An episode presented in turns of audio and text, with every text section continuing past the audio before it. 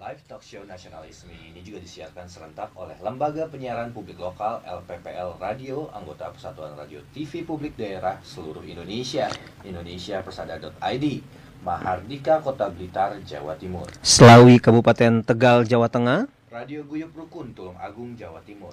Sasaraina, Kepulauan Mentawai, Sumatera Barat. Suara Ngawi, Jawa Timur. Gagak Rimang, Blora, Jawa Tengah. Giri Suara, Wonogiri, Jawa Tengah. Mako Suara Cita Streaming, Kota Malang, Jawa Timur. Suara Pasuruan, Jawa Timur. Kijang Kencana, Indramayu, Jawa Barat. Magetan Indah, Jawa Timur. Odan FM Batubara, Sumatera Utara. Tangerang Radio, Banten. Top FM Sukoharjo, Jawa Tengah. Wika Streaming, Kabupaten Mojokerto, Jawa Timur. Ramapati, Kota Pasuruan, Jawa Timur. Kanjuruhan, Kabupaten Malang, Jawa Timur. Kartini, Jepara, Jawa Tengah. RTFM Temanggung, Jawa Tengah. Langkisau, Pesisir Selatan, Sumatera Barat.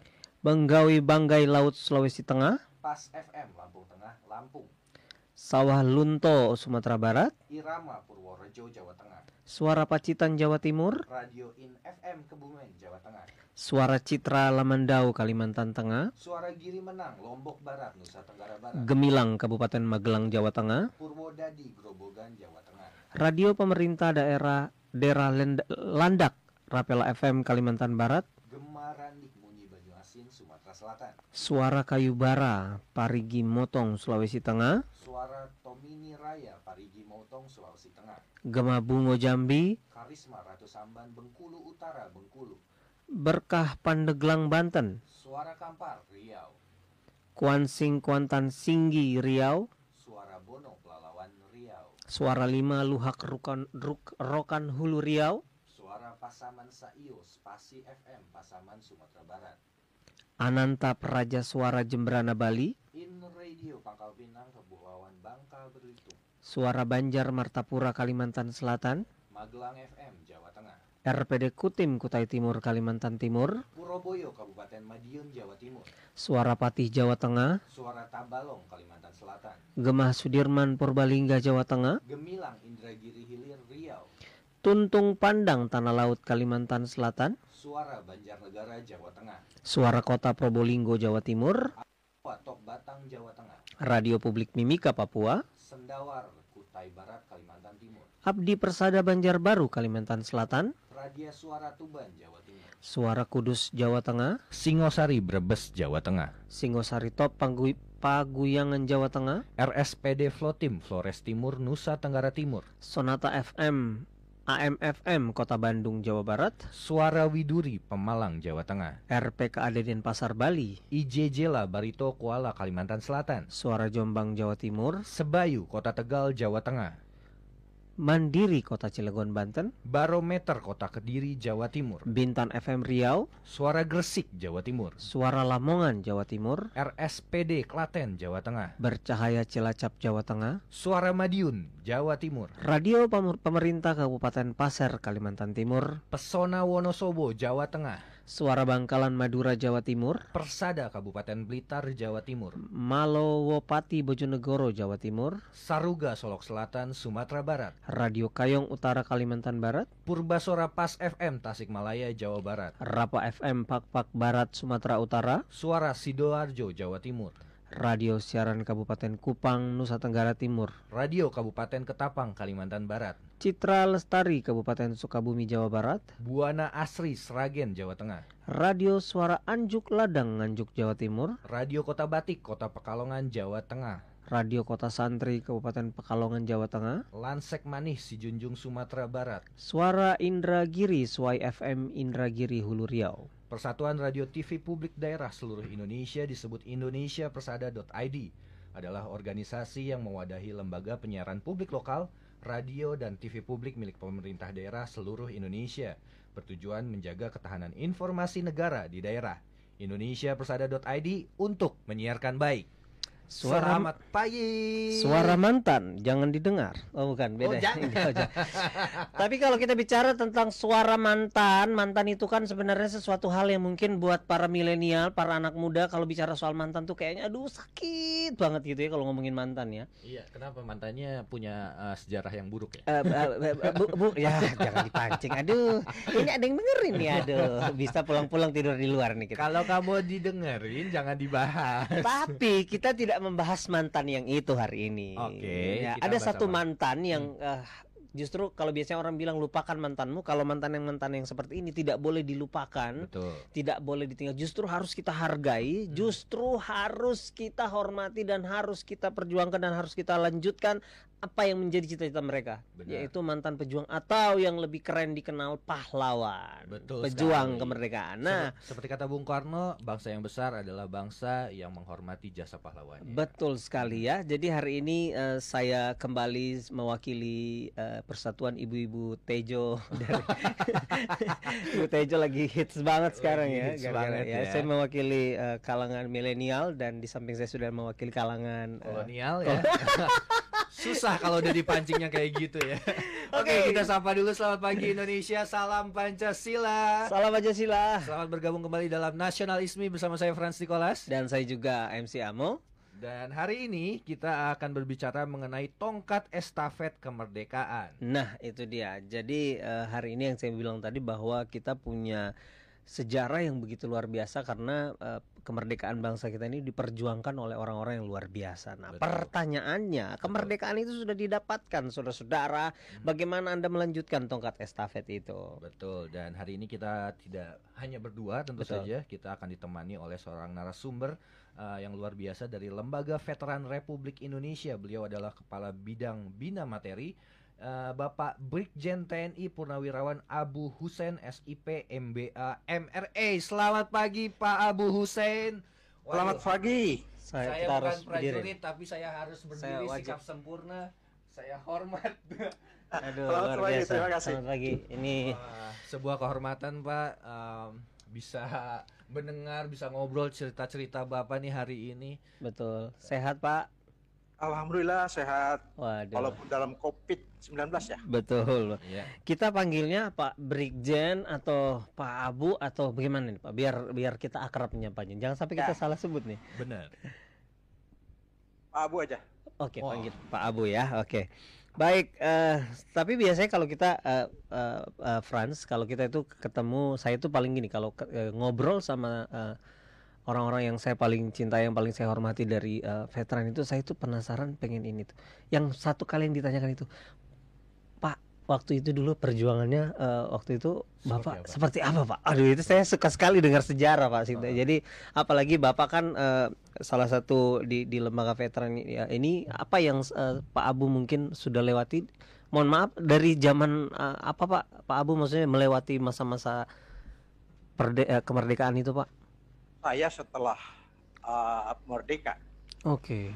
ya, saya pernah bertugas di Vietnam, Wah. Oh, oke. kemudian kemudian pernah bertugas di Timur Timur. Hmm. Jadi ada sedikit pengalaman saya bagaimana mereka melaksanakan perang, bagaimana melaksanakan perang sendiri. Oke. Ada pengalaman menonton dan pengalaman mengerjakan sendiri. di Wah, Vietnam dan di Timur Timur. Di Luar Vietnam tahun 74 waktu itu orang Vietnam mengusir Amerika, ya. jadi dijajah oleh Prancis kemudian oleh Amerika. Dan kemudian tahun 75 kita berangkat ke Timur Timur untuk bertugas di Timur Timur dalam operasi Seroja. Wah, Waduh. ini beliau memang pelaku sejarahnya ya. luar biasa itu. Aduh. Wah. em, boleh cerita sedikit Pak ya, dalam misi-misi yang sudah Bapak jalani pengalaman yang paling eh, Bapak ingat sampai sekarang paling menarik gitu. Seperti apa? Ya, pengalaman yang paling berkesan karena waktu itu pangkat saya baru letnan satu Iya. Hmm. lintas satu. Kemudian yang termuda waktu pelaksanaan tugas di Vietnam itu sehingga kalau ada tugas-tugas fact finding Hmm. itu mesti orang yang termuda. Iya. Karena Oke. apa? Karena langkahnya masih cepat, larinya Hmm. masih cepat.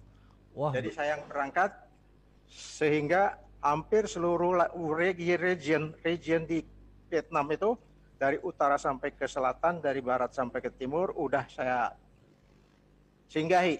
Hmm. Yang yang mengesankan adalah kalau kita fact finding, kemudian misalnya ada sebuah kejadian, orang anak-anak sedang masuk kelas, anak-anak SD sedang masuk kelas, tiba-tiba mortir jatuh persis di kerumunan anak-anak yang sedang masuk ke kelas itu. Aduh. Itu yang itu yang mengerikan. Mhm. Dan kemudian saya pernah juga meninjau Kuang Tri, Mhm. yang Kuang Tri itu di bumi hanguskan rata dengan tanah. Wow. Hanya gereja saja yang tidak ambruk, yang lain ambruk semua. Gereja juga ada bolong-bolong bekas eh, peluru Iya, iya. senjata mesin berat. Tapi Wow. yang lainnya hampir eh, semua semua hancur, semua ambruk. Iya. Itu Wow. pengalaman ketika saya di eh, Vietnam. Vietnam. Hmm. Ketika saya bertugas di Timur Timur, yang waktu itu memang kita berangkat tanpa surat perintah, Mhm. jadi sepertinya sukarelawan. Oh, Oke. Ada pengalaman yang menarik ketika saya melaksanakan tugas Hmm. bersama-sama dengan kawan-kawan saya. Saya satuan saya E Cavalry bersama tugas-tugas dengan bersama bersama-sama tugas dengan kawan-kawan dari infanteri. Oke. Pada saat kita melaksanakan serbuan dan merebut sasaran, ada seorang teman di atas bukit Mhm. tertembak Hmm. pinggangnya dan tidak bisa bergerak, kemudian menjadi sasaran tembakan dari uh, pretilin. Iya. Hmm. Saya yang berada di samping kanannya dia, Mhm. hanya 30 meter ke atas bukit itu, Mhm. rasa manusia, kemanusiaan saya terpancing Iya, iya. untuk segera menyelamatkan, menolong dia yang sedang tidak berdaya Betul. karena kerubut terus eh, oleh tembakan musuh. Hmm. Saya lempar granat asap untuk menutup pandangan mereka, Mhm. walaupun sebenarnya itu juga tidak terlalu efektif untuk menutup ke eh, pemandangan mereka. Kemudian saya naik ke atas, orangnya gede, tingginya 170, kira-kira berat badannya 80 itu. Waduh. Padahal berat badan saya cuma 65 Waduh. kilo. Wah, luar biasa. Nah, tapi pada saat kritis seperti itu, seperti ada tambahan tenaga. Hmm. Hmm. Tarik ke bawah, dia teriak, aduh bang sakit. Hmm. Sakit, biar sakit, tapi kalau lebih baik, lebih baik kamu sakit di teret saya daripada sakit di kena peluru musuh. Iya. Di, ditarik ke bawah sedikit-sedikit, kemudian dikembalikan masuk ke dalam tank itu juga sudah, suatu masalah. Karena menjadi sasaran tembakan mereka. Walaupun kita sudah eh, tutup dengan granat asap, tidak tidak tapi tidak seperti tidak tidak terlalu efektif itu eh, Hmm. granat asap. Malah justru mereka meng- eh, menembak barase ke tempat asap itu. Iya, betul, betul. Tapi alhamdulillah dengan kekuasaan yang maha kuasa kami berhasil mengevakuasi eh, kawan yang berat badannya 80 di Wow. atas berat badan saya cuma 65.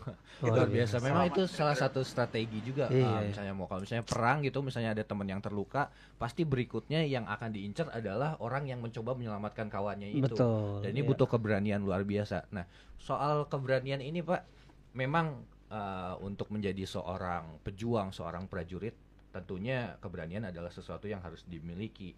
Tapi seseorang yang berani bukan berarti tidak mera- pernah merasakan takut tentunya. Betul. Dan seseorang yang berani adalah seseorang yang mampu mengalahkan rasa takut itu dan tetap melakukan apa yang menjadi tugasnya.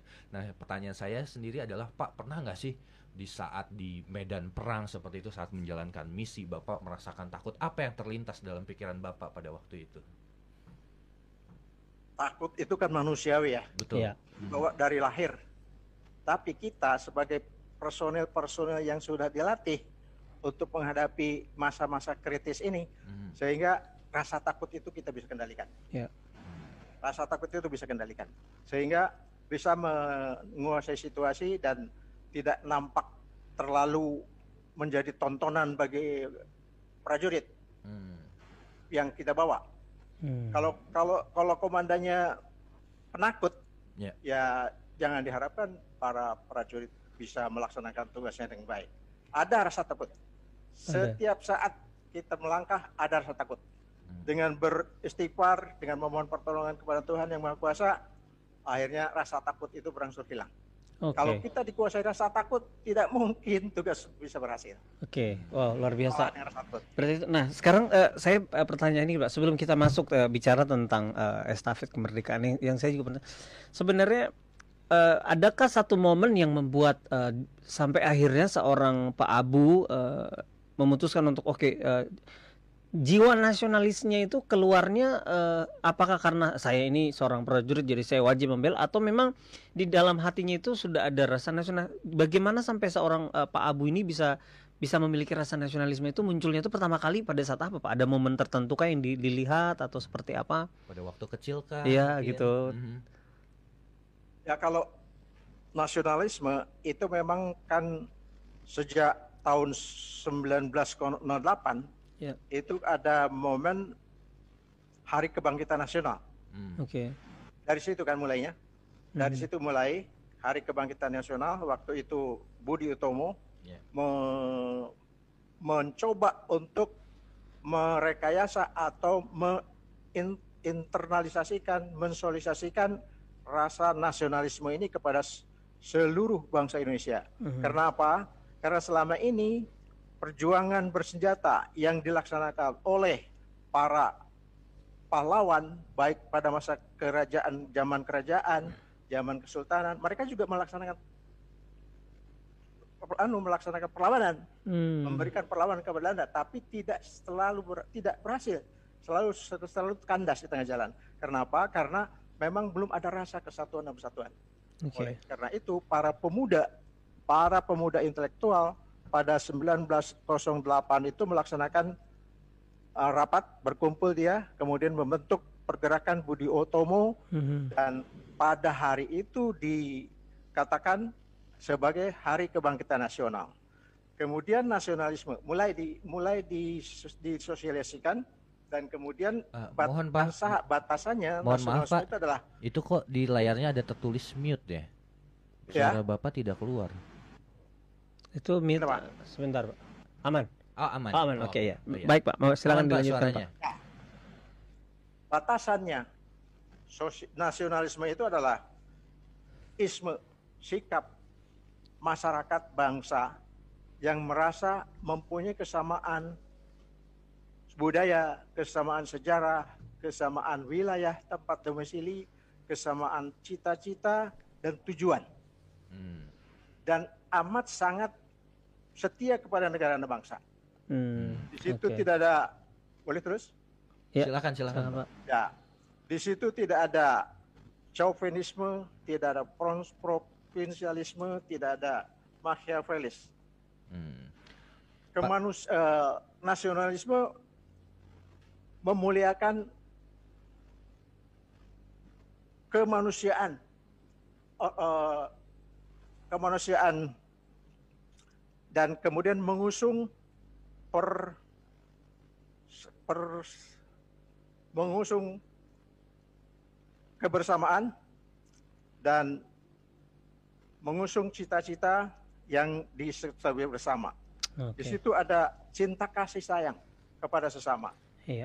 Baik. Oke. Oleh karena itu tidak ada lagi istilah homo homini lupus yang ada adalah homo, homo homini socius dan tidak lagi kalau kata Bung Karno dulu l'homme par l'homme. Yang ada Hmm. adalah kasih sayang. Ya, Nah, ngerti Oh, nggak lo tuh Iya. tadi bahasa-bahasa gitu? Iya, iya, itu wah, luar apa biasa. Artinya? Apa artinya? Jangan buang sampah sembarangan. Bukan beda. Jangan ngarang yang macam-macam. Beda. Itu artinya kita itu sebagai satu bangsa itu jangan lagi melihat perbedaan. Jadi hanya satu Indonesia gitu. Betul. gitu. Jadi Sekaligus eh, perbedaan yang ada sekarang jadi Iya. bisa kekayaan ya. betul. Pinter banget ngeles. Itu saya ngelihat di sini Pak tadi. saya cari kamus gitu. Baik Pak. Em, tadi saya dengar cerita, wah luar biasa sekali. Iya. Ceri- Cerita hidupnya udah kayak film-film Betul. banget ya. Ini bi- bagus banget untuk difilmkan ini Pak. Benar, Jadi benar, Mudah-mudahan suatu saat sa- ada film Indonesia yang akan mengangkat cerita Bapak nih. Betul. Terutama kalau misalnya di Vietnam itu perang Vietnam tuh salah satu yang paling susah adalah medan perangnya sendiri itu Iya. susah banget. Betul. Nah tadi Bapak adalah salah satu yang tugasnya menjadi seorang pathfinder yaitu eh, yang bertugasnya untuk lebih dulu masuk ke daerah lawan gitu. Oh itu, Wah, itu susah luar biasa ke Bisa nyasar, bisa bisa masuk ke daerah musuh itu bahayanya luar biasa betul, sekali. betul betul. Nah Pak, saya mau tanya, peristiwa apa atau saat-saat apa yang paling membanggakan uh, dalam masa pengabdian Bapak? Yang paling membanggakan adalah pada saat kita melaksanakan tugas di Timur Timur Mhm. setelah bergerak dari satu sasaran ke sasaran lain dan kemudian berhasil melaksanakan tugas ada award, ada penghargaan Hmm. dari satuan atasan. Saya waktu itu mendapat kenaikan pangkat langsung menjadi kapten karena waktu itu bekerja saya eh, pangkatnya letnan satu, Hmm. letnan dua di Timur Timur, eh, di Vietnam, kemudian letnan satu di eh, Timur Timur dan mendapat ke kenaikan pangkat persis tak, tak tepat waktu. Hmm. Kemudian mendapat Satya Lansana Saroja, kemudian mendapat Satya Satya Bakti dan kemudian diajukan untuk mengikuti pendidikan Armor Officer Advance Course di Fort Knox, wow. Amerika Serikat. Wow. Wow. Namun waktu itu memang terlalu terlalu terlalu, terlalu cepat bagi saya untuk dilaksa untuk melaksanakan melanjutkan pendidikan lanjutan perwira Iya. sehingga batal.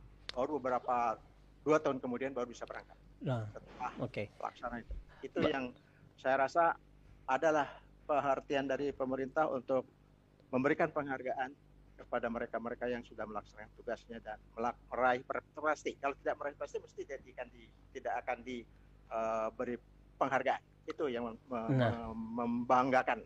Ya, nah sekarang eh, bicara soal eh, karena mereka ini adalah orang-orang yang betul-betul berjasa melakukan eh, banyak hal di, di di masa lalu di sejarah perjuangan bangsa kita sampai akhirnya kita meraih kemerdekaan. Nah, sekarang bicara soal eh, tongkat estafet kemerdekaan, Pak. Nah, ini sekarang kira-kira apakah yang eh, maksudnya apakah eh, dari pandangan seorang Pak Abu sendiri melihat generasi sekarang, generasi muda atau generasi penerus sekarang ini apakah mereka sudah melakukan sesuatu untuk menghargai para pejuang, Pak? Ataukah mungkin sudah tapi masih kurang atau seperti apa di mata seorang Pak Abu melihat hal ini?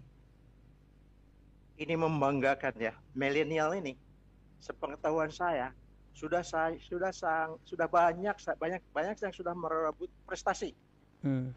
baik di bidang prosperity, kesejahteraan, men- masyarakat, baik dalam bidang eh, olimpiade, olimpiade sains dan teknologi misalnya di eh, luar negeri, Ya. pulang membawa bintang-bintang medali medali kehormatan karena menjadi juara-juara di dunia. Dan dari dari segi olahraga, milenial banyak yang meraih prestasi. Kita Hmm. lihat saja misalnya pebulu tangkis. Ya. Itu dari saat awal milenial Susi Susanti, milenial eh, remaja Rudi Hartono terus berterus sampai sekarang Ya. Pinasuka Ginting, Hmm. Manasuka Ginting, kemudian ada Jojo. Iya. Ya. Itu mesti mereka berjuang keras, pantang Ya. menyerah, disiplin. Hmm. melaksanakan tugasnya. Kalau tidak, nggak akan bisa merebut prestasi. Ya. Betul, betul. Mesti mereka mengorbankan masa mudanya. Mhm. Latihan itu tidak tidak tidak membalikan tangan, Benar. Ya. Proses seperti ada membalikan tangan instan. mesti mesti dimulai coba tanya siapa Ginting mereka berlatih sejak usia lima tahun Ya. terus menerus disiplin digembleng mental gemblengnya benar-benar pantang menyerah akhirnya dia mendapat medali mendapat prestasi Iya. kemudian ada juga volunteer-volunteer uh, relawan-relawan para milenial ini mil- milenial yang mereka merancang teknologi tepat guna, merancang teknologi terapan di dalam bidang pertanian, dalam peternakan, di dalam kehutanan, perikanan untuk meningkatkan produksi pertanian, produksi perikanan, produksi perkebunan. Itu membanggakan. Iya. Ada yang bergerak di dalam bidang pendidikan. Iya. Ya. Itu mereka jalan 10 km disambung dengan naik ojek mendatangi anak-anak yang tidak berkemampuan untuk melaksanakan pendidikan secara formal. Itu bukan main. Itu milenial. Itu kerja milenial. Iya. Ya. Ya. Sudah tinggal melanjutkannya saja lagi. Berlomba semuanya. Untuk merebut hasil yang terbaik, untuk berprestasi. Setuju sekali. Belajar, Ya. belajar, belajar, bekerja, bekerja, bekerja. Iya. Tingkatkan etos kerja. Jadi itu itu cara-cara em, eh, generasi eh, penerus untuk memperkokoh kemerdekaan seperti itu Benar, dengan melakukan eh, berbagai macam prestasi dan lain-lain. Dan sebelum lanjutkan, nih eh, saya juga mau menyapa Universitas Respati Indonesia yang hari ini join sebagai audience. Wow, Waduh. oke terima kasih. Selamat Salam. pagi adik-adik, salam eh, Pancasila buat teman-teman di semua di sana dan Iya. saya juga mau koreksi tadi saya agak sa- saya salah nyebut tadi eh, bukan lembaga tapi Legiun Oke. Veteran Republik Legion Indonesia. Veteran Republik, betul. Nah, Iya. Legiun Veteran Republik Indonesia. Iya, Iya. baik. Nah, eh, tadi eh, tadi sudah sampai disampaikan oleh Pak eh, Pak Abu mengenai eh, cara generasi milenial untuk mereka eh, melanjutkan kemerdekaan itu dengan berprestasi, dengan melakukan kegiatan-kegiatan yang berguna dan lain-lain. Nah, mungkin eh, adakah bentuk lain dari perjuangan yang mungkin eh, bisa dilakukan oleh para pemuda zaman sekarang atau generasi sekarang, Pak, dalam memperkokoh kemerdekaan dari mata seorang Pak Abu eh, sendiri? Ya, kita lihat ke masa dep- ke masa belakang, flashback, jelas balik ya. Ya. Ya. Itu para pejuang kita pada saat melaksanakan perjuangan bersenjata mengusir penjajah, pemuda loh. Pemuda usia 14 tahun, Ya. mulai 14 tahun ke atas. Itu bawa bambu runcing. Hmm, Kalau yang tidak punya senjata, yang punya senjata bawa senjata. hmm. Yang tidak punya bau runcing, kelewang, tombak, panah, batu kalau perlu. Ya. Batu dilempar ke anu, Penjajah. bule, Mhm. Ya. hidung mancung, pipi koneng. sudah sudah sudah berfungsi untuk bersama-sama memperkuat kekuatan kita. Ya. Karena kita kita lihat dalam sejarah bahwa kekuatan kita ini amat sangat sangat terbatas Betul. dibandingkan dengan kekuatan mereka. Mhm. Tapi mereka mengusung nilai-nilai luhur, cinta tanah air, Ya. rela berkorban, Betul. pantang menyerah, Ya. percaya pada kekuatan dan kemampuan diri sendiri. Hmm. Dan kemudian alhamdulillah atas berkat rahmat Allah yang Maha Kuasa, kita berhasil mengusir penjajah. Iya. Ini nilai-nilai luhur ini belakangan dievaluasi kemudian diformulasikan menjadi DSN 45. Jiwa semangat nilai juang 45. Hmm. Mari kita sebagai generasi penerus untuk menteladani beliau-beliau para pejuang terdahulu, para pemuda loh yang berjuang waktu itu terdahulu dan kemudian mengaplikasikannya untuk mengisi kemerdekaan, Hmm. Merebut tujuan nasional, mensejarahkan ke em, kehidupan masyarakat yang lebih adil, lebih sejahtera, lebih demokratis, bermantrap, bermartabat dan berdaulat. Nah. insya Allah kalau kita melaksanakan dan mempedomani, meneladani apa yang sudah dikerjakan oleh para pejuang terdahulu, kita akan mampu membangun, mengisi kemerdekaan, mencapai Wow. masyarakat adil dan makmur berdasarkan falsafah hidup Pancasila, Undang-Undang Dasar 45. Begitu. Wow. Keren Keren. Tapi memang benar sekali seperti apa yang tadi Pak Abu bilang dari dulu memang pemuda itu salah satu eh, tonggak perjuangan ya. Iya. Dan saya yakin juga eh, milenial milenial zaman sekarang pemuda-pemuda zaman sekarang juga punya eh, peranan penting Iya. untuk membawa eh, negara Indonesia untuk keluar dari krisis yang sama-sama sedang kita hadapi. Betul. Kuncinya adalah yang tadi yang disebutkan oleh Pak Abu tadi kita salah satu dari pilar dari nakal juga nasionalisme radikal yaitu positif, peduli, pengorbanan dan juga kebersamaan. Betul. Bersama-sama kita akan bisa bersama-sama kalau kita positif, peduli dan mau berkorban, kita pasti akan bisa mampu meneruskan perjuangan dari bapak-bapak yang sudah memperjuangkan dan mempertahankan kemerdekaan Indonesia. Betul sekali. Dan kita juga eh, mengundang kepada eh, seluruh eh, pendengar yang s- saat ini sedang menyaksikan baik eh, streaming via YouTube atau eh, melalui Heartline FM. Silakan boleh untuk eh, mengajukan pertanyaannya boleh di eh, kolom komentar, bisa di sosial media sosial media kita di Heartline FM, eh, di Facebook, kemudian di YouTube, Instagram eh, dan juga boleh langsung eh, via telepon ya di Ya. eh, 0215919244 untuk bisa langsung mungkin kalau ada pertanyaan yang yang ingin diajukan eh, untuk eh, Bapak Abu hari ini ya. Betul dan langsung akan mendapatkan Ya. hadiah juga. Ya. Merchandise dari Nasionalisme Radikal yaitu t-shirt yang kita kenakan pada Betul ini. hari ini. Baik, saya mau tanya-tanya lagi sama Pak Abu nih karena eh kapan lagi bisa Betul. ngobrol sama Pak Abu kan? Pak Abu, waktu menjalani misi-misi itu Pak, eh, kan perang tuh Pak. Itu sesuatu yang nggak mudah. Rintangan terbesar Pak, tantangan terbesar yang pernah Bapak hadapi di saat berjuang. Ada cerita-cerita lain nggak Pak?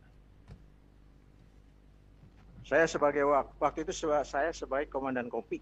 Wah, sudah jadi Waduh. komandan nih. Mhm, Komandan kompi mhm. yang paling harus selalu diingat dan diperhatikan adalah kesejahteraan atau rasa sejahtera dari para prajurit. Ya. Misalnya pada saat makan, Mhm. kita jangan makan dulu, lihat dulu prajurit belum makan apa sudah makan. Wow. Tanya, kamu udah makan? Mhm. Sebelum mereka makan, ya kita jangan makan dulu. Iya. Dan kemudian harus selalu diusahakan jangan sampai mereka merasa bosan dalam melakukan tugas. Hmm. Ini yang paling payah. Kalau sudah mereka merasa bosan dalam bertugas, lalai. Hmm. Kalau sudah lalai, gampang disergap, gampang dicegat, gampang di-abuse Hmm. oleh musuh. Kalau sudah lalai, itu yang harus harus menjadi perhatian para pimpinan pada saat kita membawa pasukan melaksanakan tugas-tugas tempur maupun bukan tugas-tugas tempur. Iya. Karena kita mengenal ada tugas intelijen, ada tugas tempur, ada tugas teritorial. Hmm. Di mana pun kita bertugas, selalu usahakan selalu para prajurit melaksanakan tugas dalam keadaan yang enjoy. Hmm. Kalau misi paling sulit, Pak, misi paling sulit atau misalnya atau Bapak pernah punya pengalaman terluka kah dalam menjalankan misi gitu? Yang paling sulit, yang paling sulit itu bersaing. Mhm. Itu yang paling sulit. Hmm. Kita selalu harus memelihara kondisi yang tetap tanggap, terampil, tanggon, teringinas. Hmm. Dan untuk melak- untuk meraih kondisi itu, ya terus harus bersaing dengan sesama kawan dalam artian saingan yang positif ya, Betul. untuk ber, bekerja dan membangun dan maju bersama-sama. Hmm. Kemudian ada pengalaman saya di timur di Vietnam. Karena dari di Vietnam itu saya bertugas sebagai perwira operasi dan merangkap internal security. Mhm. Banyak hal-hal yang kadang-kadang di luar di luar prediksi, di luar jangkauan untuk harus dilaksanakan. Ya. Waktu kita melaksanakan tugas tidak bersenjata, sangkur pun tidak dibawa. Tidak boleh kita bawa sangkur. Sangkur, senjata tajam tidak boleh. Kenapa, Pak? Bukannya Ya, karena misinya misi perdamaian, Oh, oke. misi perdamaian. Jadi mencegah atau me- memisahkan antara mereka yang bertengkar. Itu sebenarnya eh, kadang-kadang kita me- me- merasakan ini tugas-tugas impossible kan kadang-kadang begitu merasa- merasakan. Kita melaksanakan tugas, mereka bersenjata lengkap dengan sangkur terhunus, kita masuk tanpa apa-apa. Tapi mereka juga tahu bahwa kita adalah pasukan perdamaian. Waktu itu saya bertugas dengan tentara Amerika, Mhm. eh, Iran, eh, Polandia, Hongaria. Mhm. Empat tim bersama-sama bertugas melaksanakan tugas perdamaian, memisahkan antara mereka bertikai Vietnam Vietnam Utara dengan Vietnam Selatan di satu pihak Amerika Serikat, tentara Amerika Serikat. Wow. Wow, itu butuh keberanian Di yang luar banyak biasa. banyak Mhm. banyak hal-hal yang kadang-kadang tidak atau di luar perkiraan kita bakal terjadi. Mhm. Mhm. Iya, iya. Oke. Baik, eh, kita akan nanti akan lanjutkan Pak dan kita lihat eh, mungkin ada juga eh, beberapa teman-teman yang ingin bertanya. Kita nanti akan berikan kesempatan untuk mereka bertanya juga bisa lewat line telepon nanti. Tapi jangan ke mana-mana, eh, kita akan kembali setelah yang satu ini.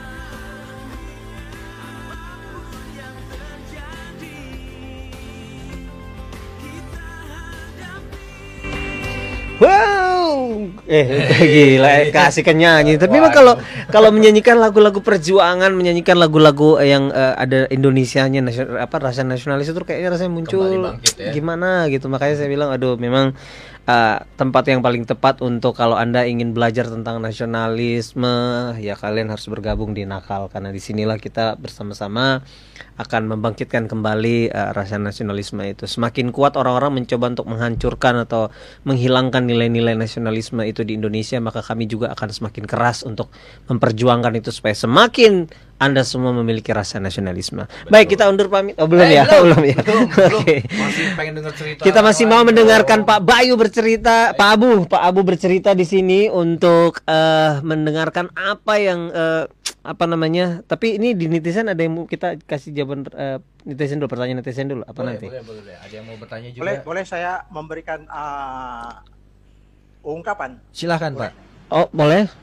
apa perbedaan antara milenial dan pendahulu dalam melaksanakan tugas. Iya. Oh, oke. Nah, Ah, silakan. per- Pak. per- persamaannya dulu, Persamaannya. itu sama. Zaman dulu kemungkinannya tantangannya adalah gagal melaksanakan tugas. Oke. Sekarang milenial juga dalam mengisi kemerdekaan kemungkinan gagal dalam melakukan tugas. Oke.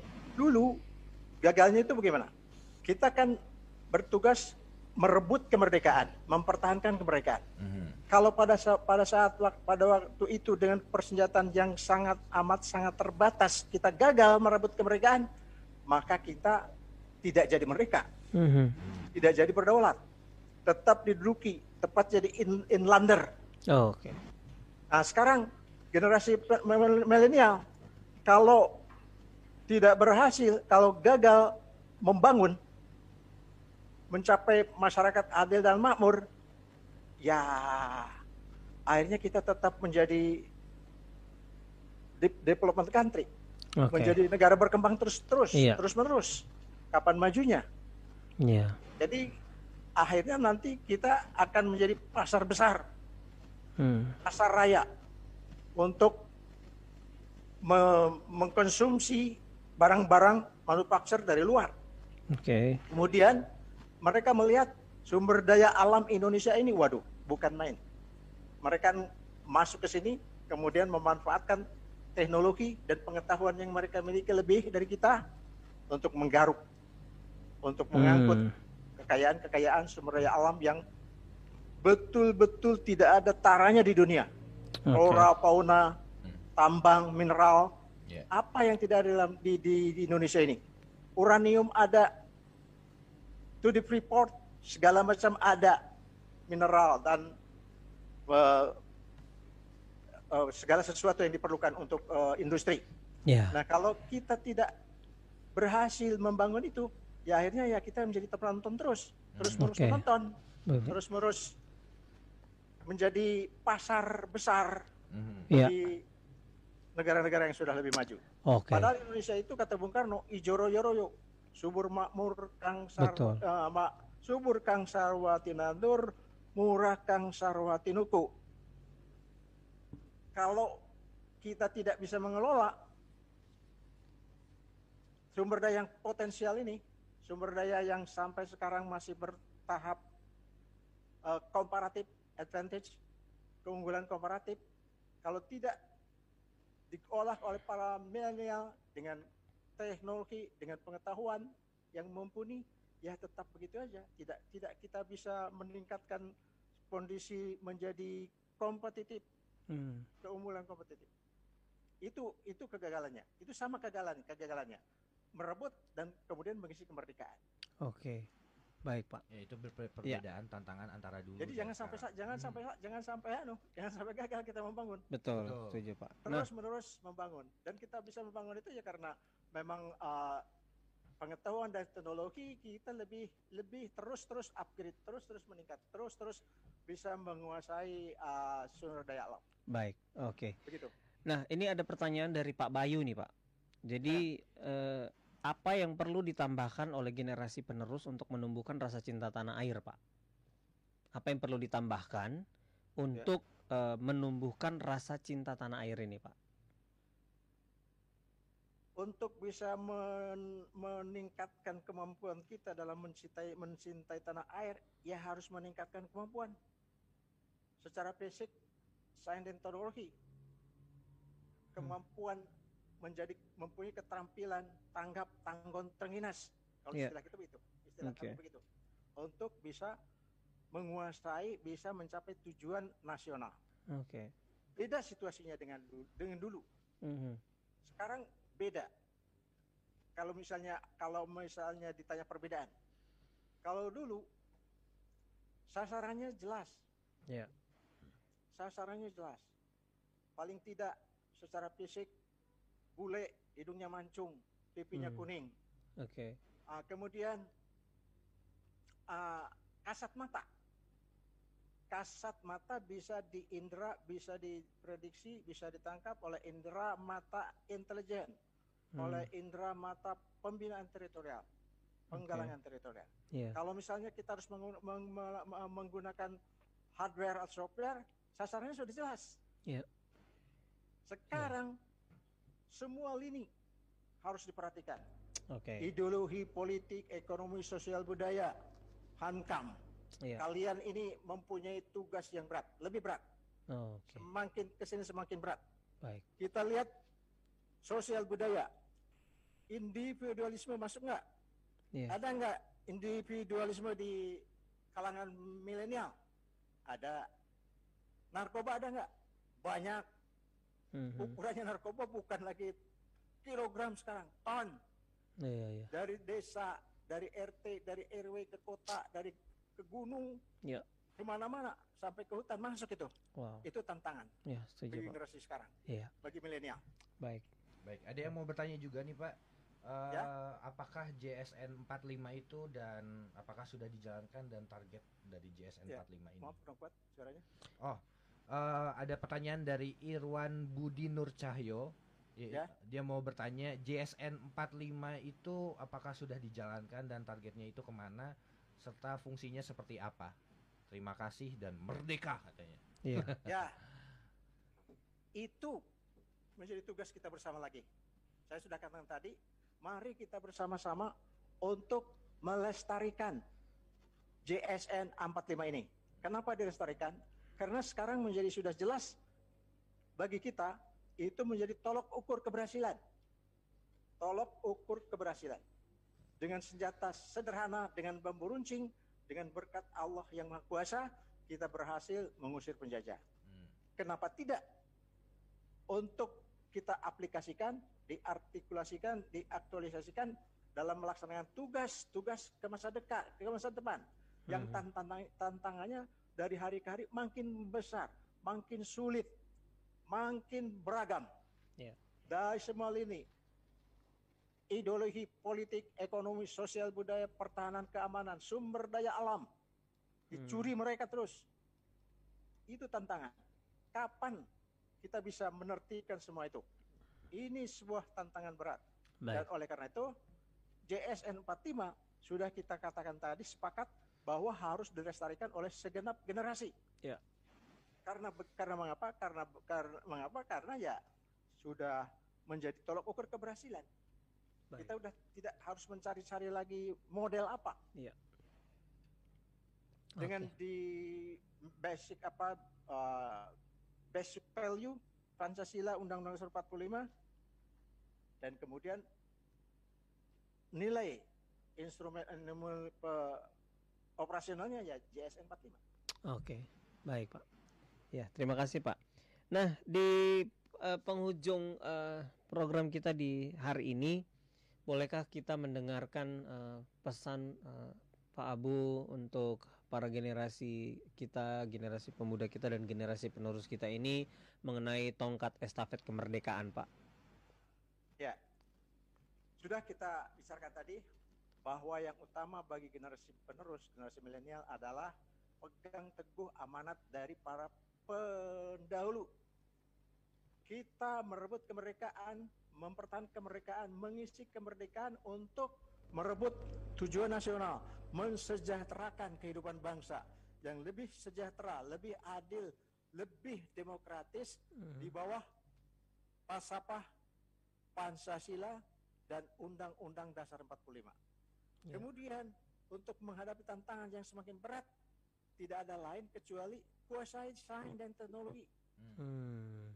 Jangan terlalu jangan sama dengan kami. Kami ini cuma pas-pasan. Oke.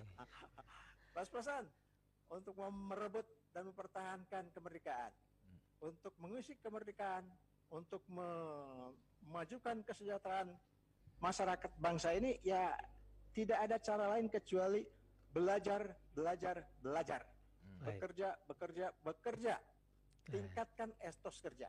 Baik. Saya ingat ada ada quote dari siapa?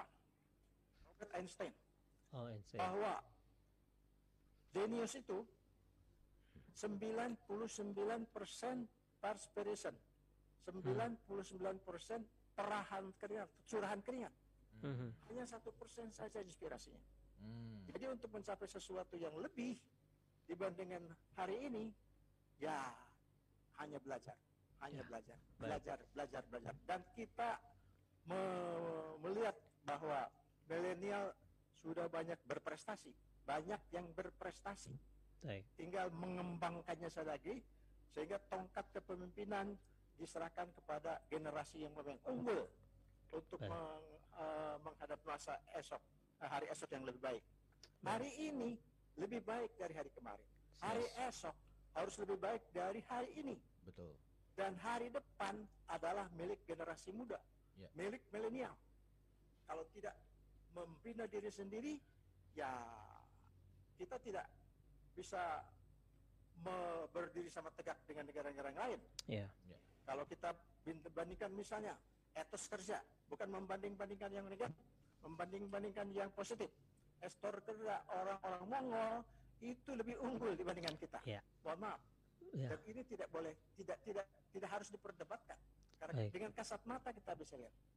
Baik. Ingat bahwa hari ini lebih baik dari kemarin, hari esok adalah harus lebih baik dari hari ini. Dan Baik. masa depan dipegang ada berada di tangan pemuda sekarang. Siap. Seperti hari ini itu yang memegang adalah generasi muda zaman dulu.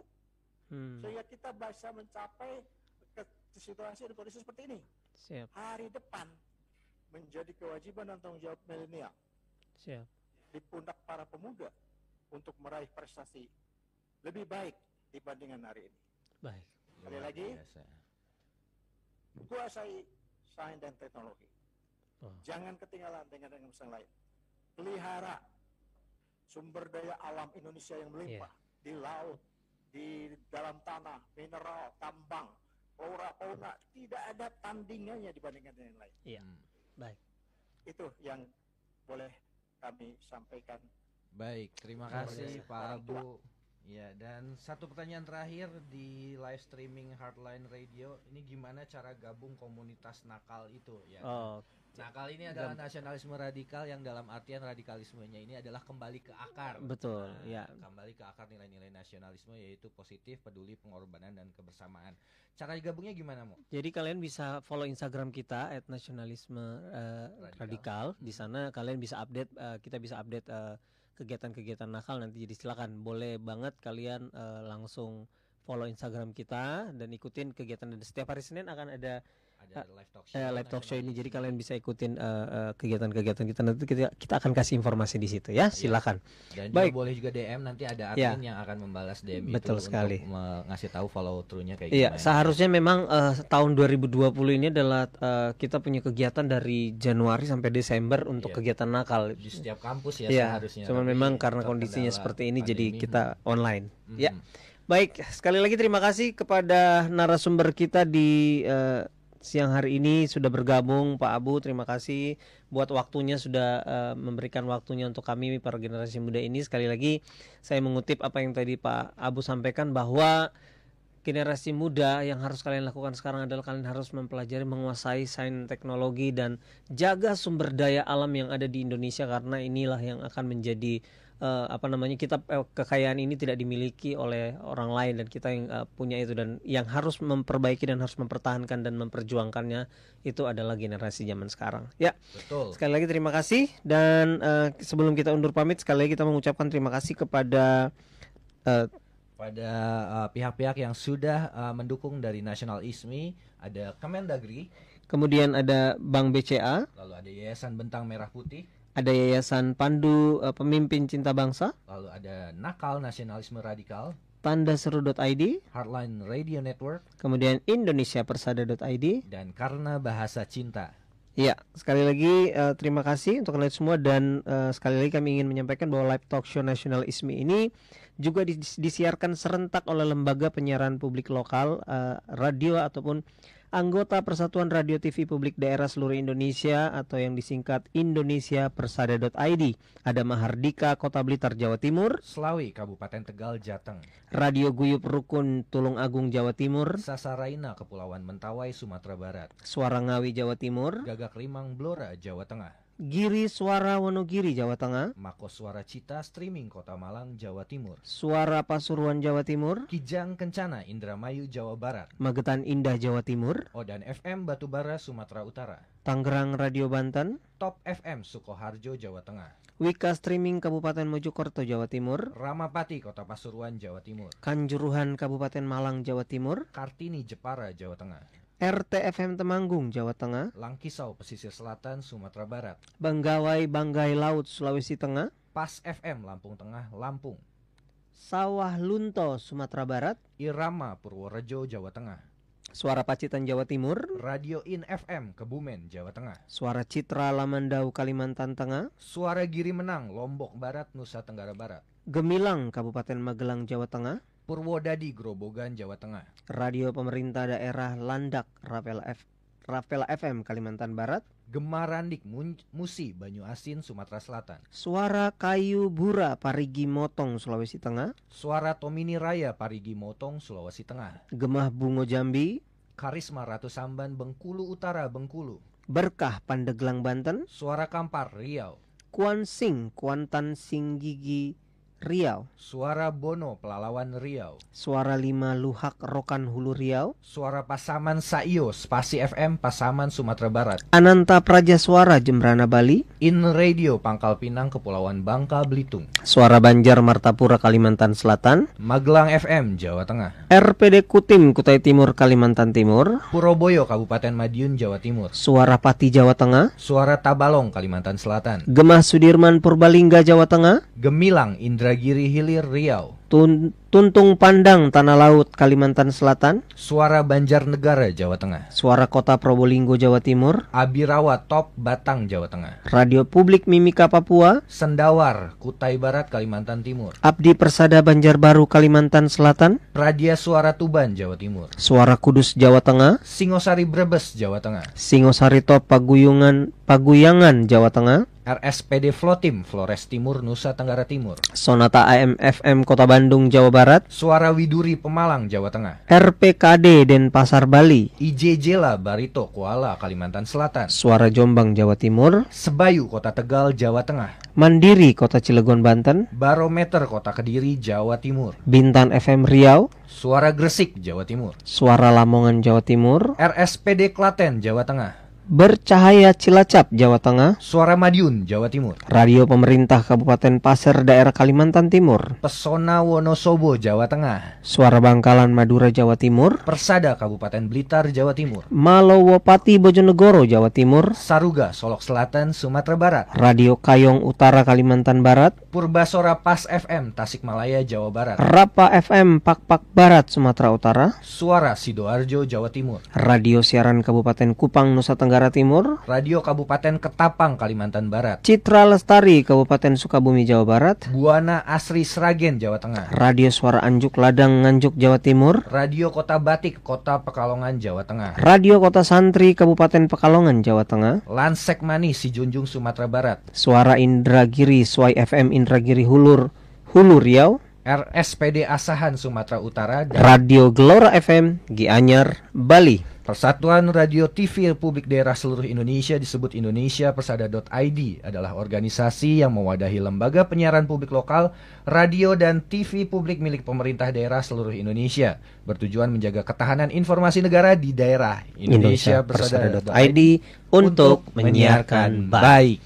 Terima kasih sekali lagi. Saatnya kita berdua undur pamit. Eh, Ya, terima kasih juga eh, dari teman-teman di Universitas Respati Indonesia yang sudah bergabung. Terima kasih juga terima kasih kepada Legiun Veteran eh, Republik Indonesia. Bapak Terima kasih. TNI Purnawirawan Abu Husein SIP MBA dan MRA. dan terima kasih tentunya juga buat Heartline FM dan semua yang sudah mendengarkan kita dari tadi ya. Sampai bertemu di eh, National eh, Ismi, Ismi. Senin depan jam 10 sampai jam 11. Saya Francisco Las. dan saya juga MC Amo. Salam Pancasila. Bye bye. Merdeka, Pak. Pendengar LPPL Indonesia dan Hotline Radio Network baru saja kita ikuti live talkshow nasional ISMI Kemendagri Goes to Campus. Acara ini terselenggara atas sinergi program bersama Kementerian Dalam Negeri